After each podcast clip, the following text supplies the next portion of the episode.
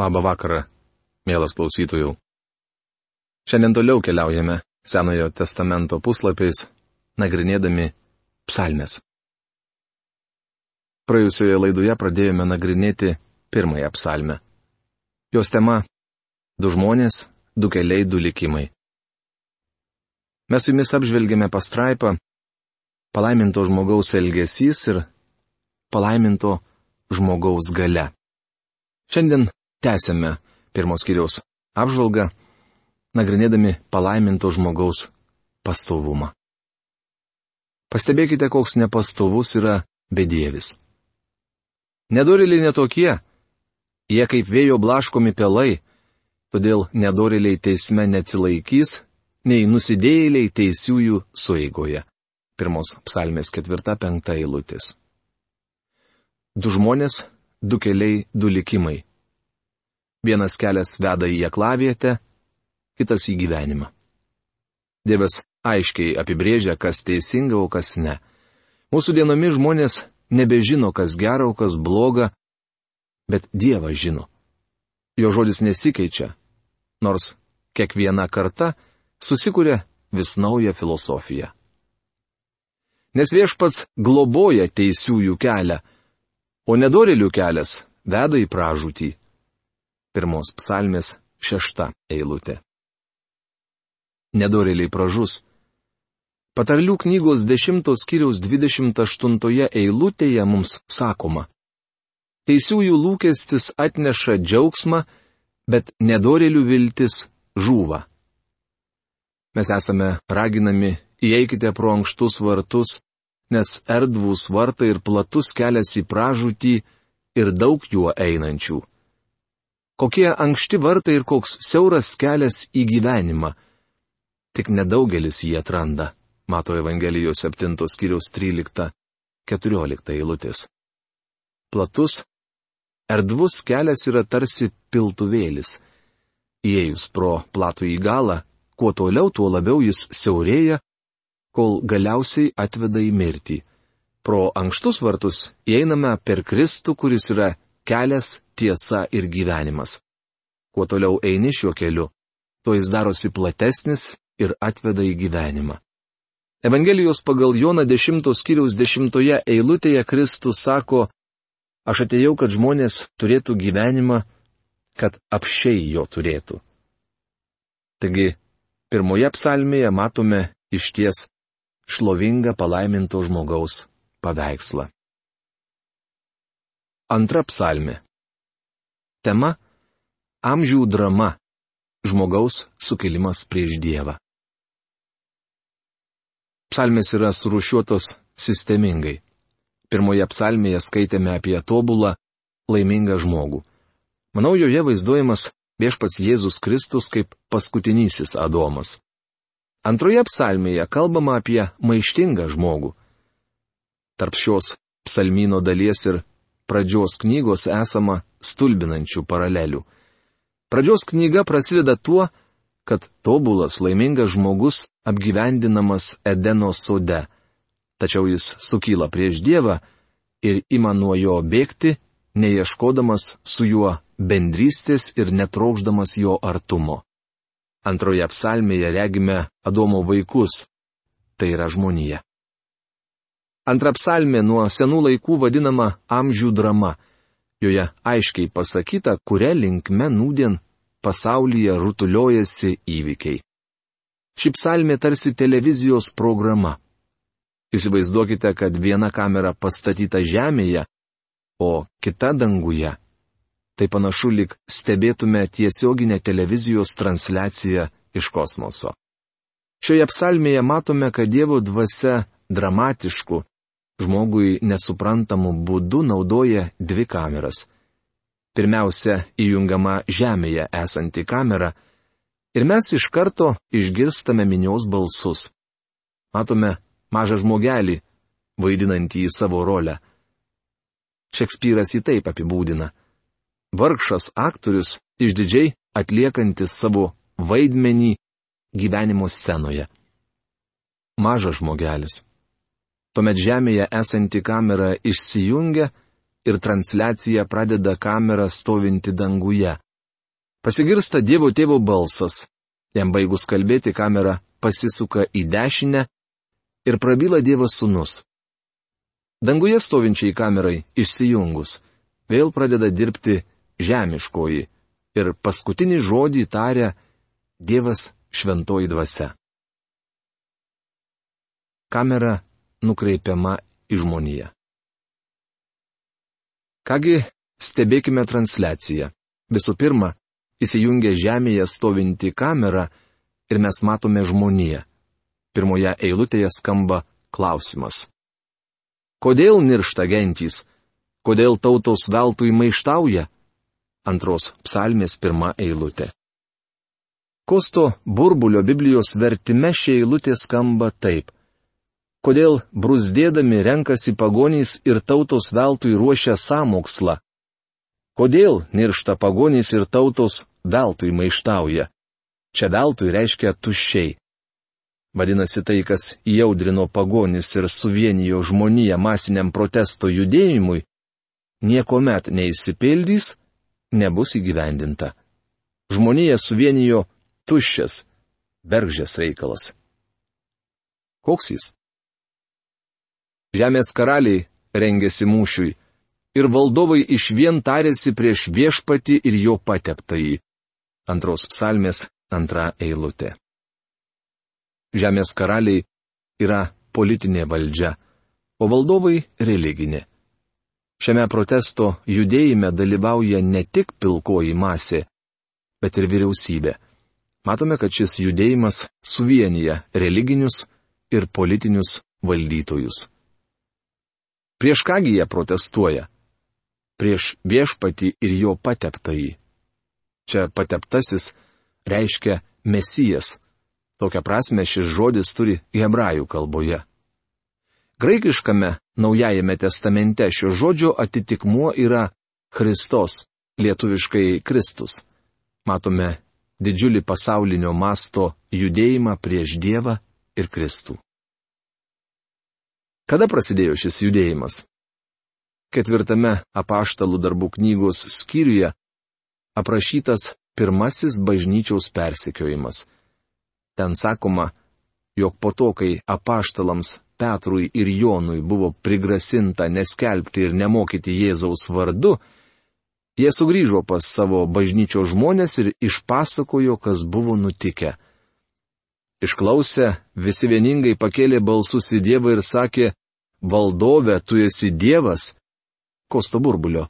Vertime apaštalų darbų knygos ketvirtos kiriaus 24 eilutė. Čia paminėtas vienas iš dalykų, dėl kurių šiandienos bažnyčia dvėjoja. Valdovė tu esi Dievas. Daugelis žmonių nėra tikri, kad viešpats yra Dievas, jie tuo abejoja. Ankstyvoji bažnyčia tuo niekiek neabejojo. Valdove, tu esi Dievas sutvėręs dangų, žemę, jūrą ir visa, kas juose yra. Tu kalbėjai savo tarno Davido lūpomis, Kodėl niršta pagonys? Kam veltui tautos samokslus rengia? Apaštalų darbų knygos ketvirtos kiriaus 24-25 eilutės. Kosto burbulio Biblijos vertime. Kaip matote, jie citavo antrą psalmę. Žemės karaliai sukilo, valdovai susibūrė draugien prieš viešpati ir jo Kristų. Rašoma ten pat apaštalų darbų knygos ketvirtos skyrius 26 eilutėje. O štai šventosios dvasios aiškinimas. Prieš tavo šventąjį sūnų Jėzų, kurį tu patepiai, iš tiesų susibūrė Erodas, Poncijus Pilotas su pagonimis ir Izraelio tauta. Apaštalų darbų knygos ketvirtos skyrius 27 eilutė. Taigi šis judėjimas, pasak šventosios dvasios, Prasidėjo tuo met, kai pilotas, erodas ir religiniai vadovai susibūrė prieš Jėzų, ketindami jį nužudyti. Tai judėjimas prieš Dievą ir Kristų. Jis jau daugelį amžių it sniego lavina ritasi žemyn, kol galiausiai virs pasaulinio masto revoliucija prieš Dievą ir Kristų. Kas nors gali suabejoti, Negi jūs iš tikrųjų manote, kad įvykiai rutuliojasi tokia linkme? Patikėkit, būtent taip manau. Žmonės manęs klausia, daktarė Magi, ar manote, kad pasaulis taisosi? Aš atsakau, taip, manau. O kiti teiraujasi priešingai. Ar jums netrodo, kad pasaulis degraduoja? Taip, atsakau, degraduoja. Galbūt jums pasirodys, kad tokiu būdu noriu įtikti ir vieniems ir kitiems. Ne. Abi pusės teisios. Ta pati viešpats Jėzus kalbėjo palyginime apie raugės Mato Evangelijos 13 skyriaus 24-39 eilutėse. Viešpats Jėzus sakė, kad jis yra sėjėjas, sėjantis sėklą pasaulyje. Bet štai atėjo priešas ir prisėjau raugių. Tarnai norėjo jas išravėti. Tarnavimo pradžioje ir aš norėjau tą patį padaryti. Buvau geriausias raugių rovėjas, kokį tik kada esate sutikę.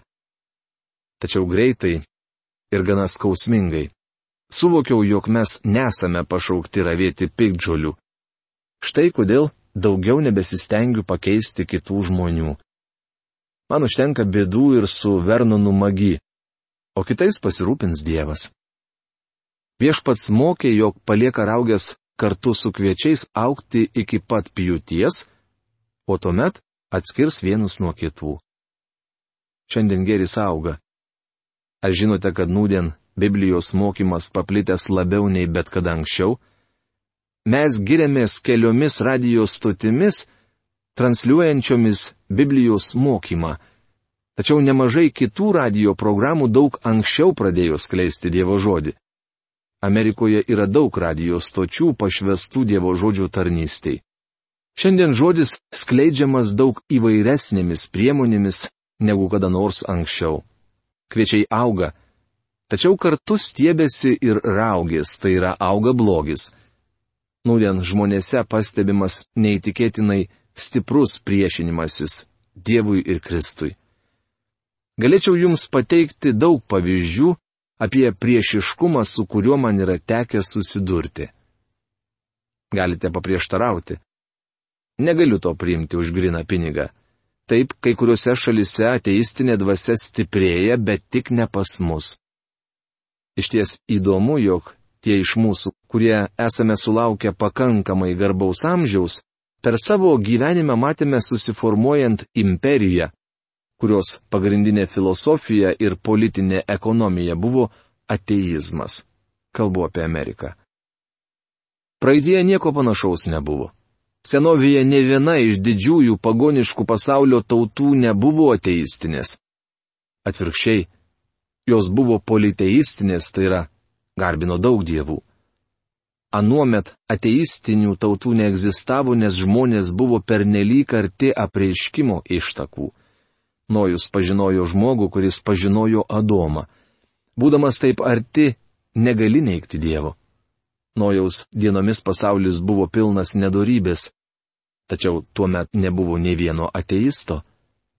Duodamas dešimt įsakymų Dievas ne vieno iš jų nenukreipė prieš ateizmą, tačiau net du įsakymai buvo nukreipti prieš politeizmą. Neturėsi kitų dievų tik tai mane, nedirbsi savo drožinio, nei jokio paveikslo panašaus į tai, kas yra aukštai danguje, čia žemėje ir vandenyse po žeme rašoma išeimo knygos 20 skyriaus 3-4 eilutėse. Šios du įsakymus Dievas nukreipė prieš politeizmą, tačiau ne vienas nenukreiptas prieš ateizmą. Kodėl? Tuomet ateistų nebuvo. Davido laikais atsirado gana daug ateistų, tačiau Davidas juos įvardina kitaip. Jis teigia, Kvailys, sausako širdyje, Dievo nėra. Rašoma 14 psalmės pirmoje eilutėje. Kvailys hebrajų kalboje reiškia beprotis. Ateistas yra neprotingas, paikas žmogus. Nesvarbu, kad jis filosofijos mokslų daktaras, skaitantis paskaitas universitete. Biblija sako, kad toks žmogus yra beprotis. Mažų mažiausia, neprotinga tvirtinti, jog Dievo nėra. Manau, mūsų šalyje Jėzui Kristui priešinamasi tiek pat, kiek ir bet kur kitur. Esu tuo visiškai tikras. Gal kas paprieštaraus, palaukit, aš dažnai girdžiu apie Jėzų ir apie tai, koks jis nuostabus.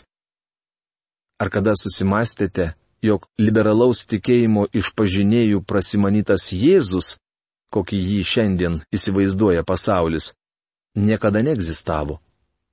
Biblinis Jėzus ir tas, kuriuo tiki laisvamaniai, yra dvi skirtingos asmenybės liberalaus tikėjimo išpažinėjų skelbiamas Jėzus niekada negyveno šioje žemėje. Leiskite pailustruoti šią mintį. Daugelį metų man tarnaujant pastoriumi Los Andželo centre, gretimoje bažnyčioje pastoriavo vienas iš geriausių liberalaus sparno veikėjų Amerikoje. Aš labai gerbiau tą vyrą, nes jis buvo sažiningas laisvamanis. Pavyzdžiui, Jis tiesiai šviesiai sakydavo, jog netiki nekaltų Jėzaus gimimu. Jei ir jūs netikite, kad Jėzus gimė iš mergelės, verčiau aiškiai tai sakykite, o ne užuominomis. Tas vyras vesdavo klausimų atsakymų radio programą. Aš taip pat vesdavau panašią programą radio eteryje. Klausytojai apiberdavo klausimais, stengdamiesi mus supriešinti. Kasmet per kalėdas kartodavosi tas pats ritualas. Beje, jis man visuomet patikdavo. Taigi sėkime abu buvome pakviesti į banketą ir, tikriausiai specialiai, pasodinti vienas šalia kito. Aš atėjau pirmas ir atsisėdau į savo vietą. Mačiau, kad šalia guli kortelės su minėto pastoriaus vardu. Ilgai laukti nereikėjo.